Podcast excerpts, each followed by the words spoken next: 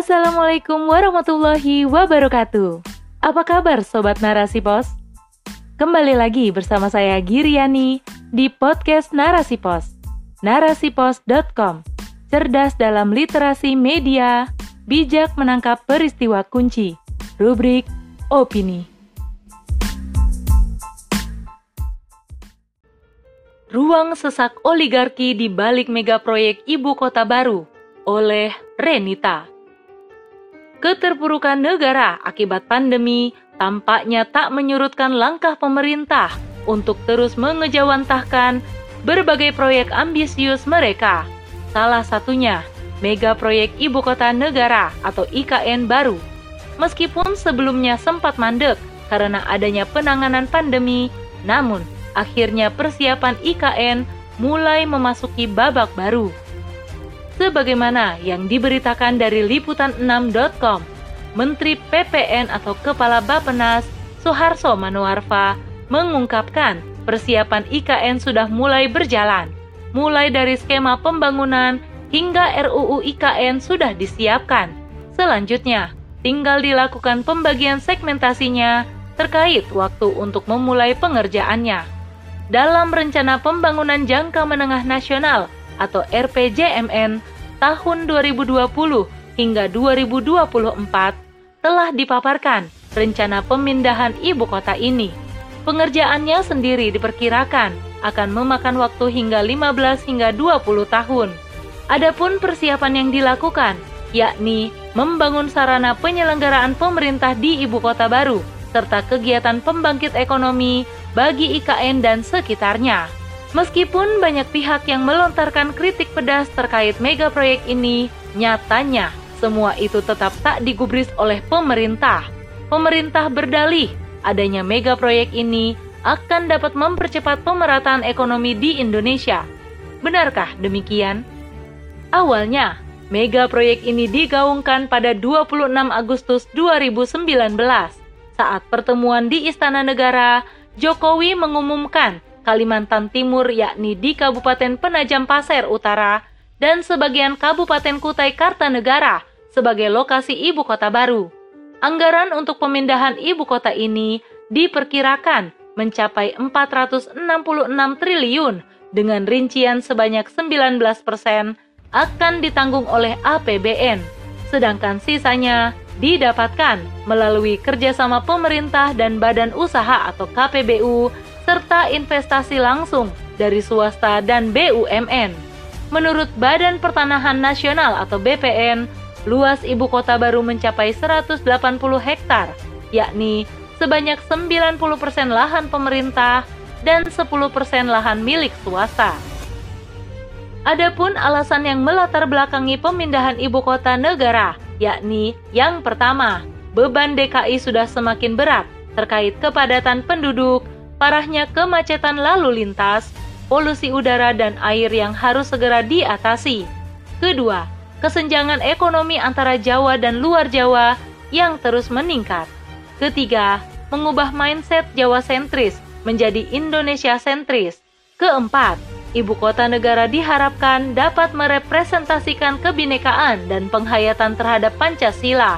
Kelima, meningkatkan pengaturan pemerintah pusat yang efisien dan efektif. Keenam, meningkatkan daya saing regional maupun internasional dengan memiliki ibu kota yang menggagas konsep smart, green, and beautiful city. Wacana mega proyek IKN terus mendapatkan kritikan dari berbagai pihak.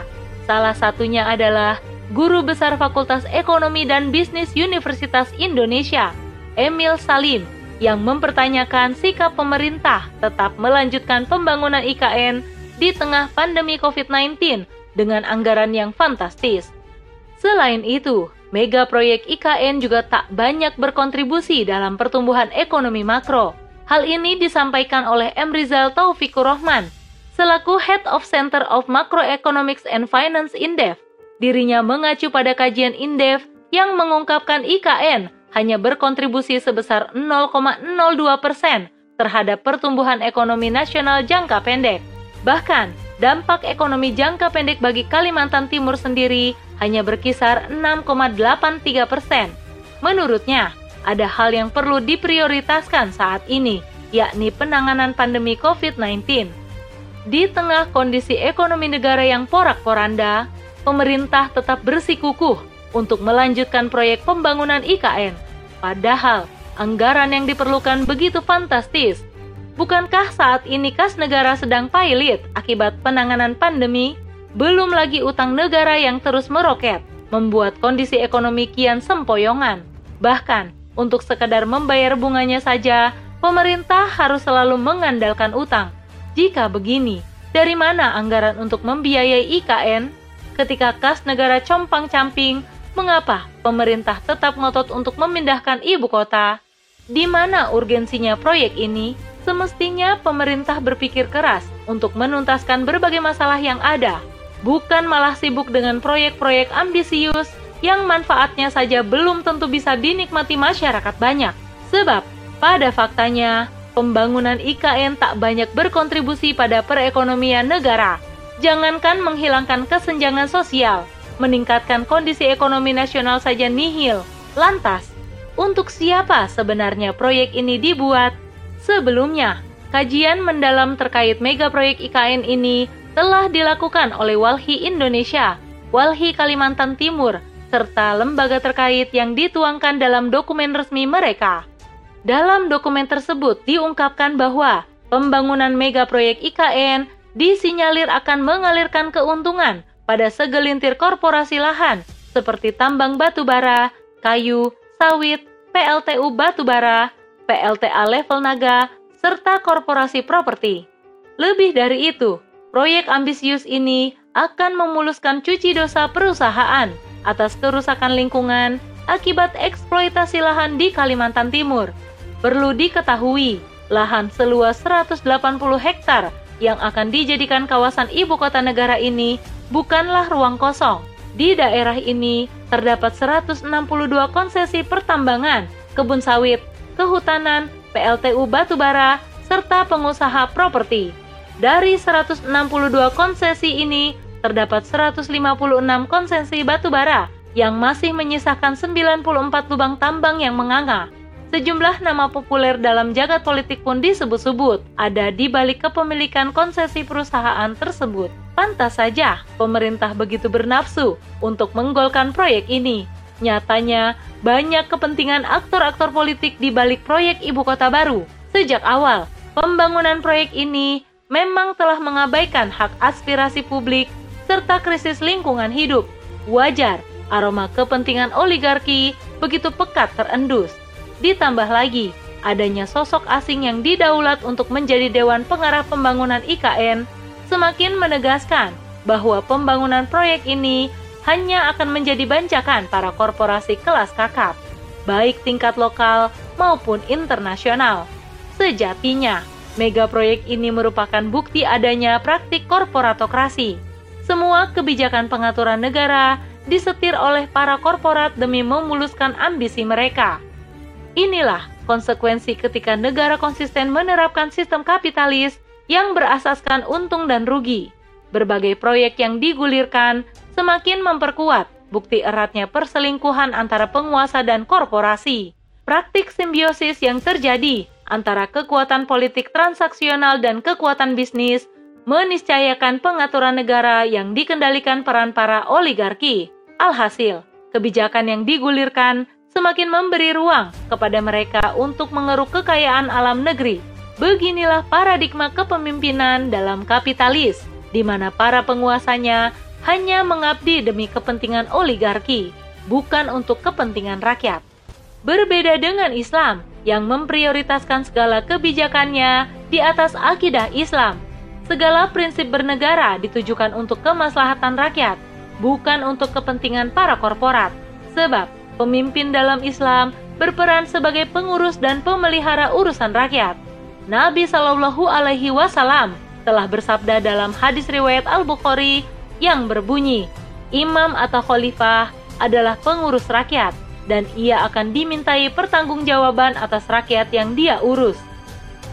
Adapun kedudukan ibu kota dalam sistem pemerintahan Islam merupakan kawasan yang penting, sebab Ibu kota merupakan pusat seluruh aktivitas kenegaraan. Pertimbangan dalam menentukan ibu kota bukan hanya dilihat dari sisi strategi secara ekonomi, tetapi juga politik, pertahanan, dan keamanan. Ibu kota merupakan representasi kedudukan negara di mata dunia. Sejarah Islam mencatat bahwa kekhilafahan sedikitnya lima kali pernah melakukan pemindahan ibu kota. Salah satunya, perpindahan ibu kota Khilafah Abbasiyah dari Damaskus ke Baghdad. Sebelum dilakukan pembangunan ibu kota Baghdad, Khalifah Al-Mansur sebagai inisiator mengumpulkan para surveyor, arsitek, dan insinyur seluruh dunia untuk merencanakan kawasan ibu kota. Setiap wilayah kota dibangun masjid, taman, sekolah, perpustakaan, area komersil, industri gandum, tempat singgah bagi para musafir, pemandian umum juga dibangun, secara terpisah antara laki-laki dan perempuan, tempat pengolahan sampah, hingga pemakaman umum. Selain mempertimbangkan lokasi yang strategis, pembangunan ibu kota Baghdad juga memperhatikan sisi pertahanan terhadap serangan musuh. Inilah falsafah ibu kota baru dalam Islam.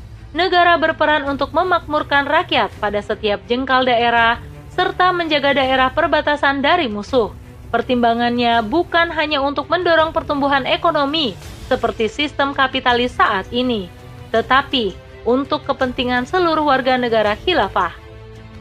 Rencana pembangunan ibu kota bukan sekedar urusan pindah tempat saja, tetapi harus melihat dari sisi kelayakan serta aspek politis yang di dalamnya, sehingga pembangunan IKN dapat meningkatkan taraf hidup rakyat sekaligus menguatkan posisi negara di mata dunia, bukan malah menjadi bancakan para kapitalis yang semakin menggerus kedaulatan negara. Maka dari itu, kesejahteraan rakyat hanya akan terwujud jika pembangunan ibu kota dilaksanakan dalam sistem pemerintahan Islam, yakni Khilafah Islamiyah. Wallahu a'lam bishawab.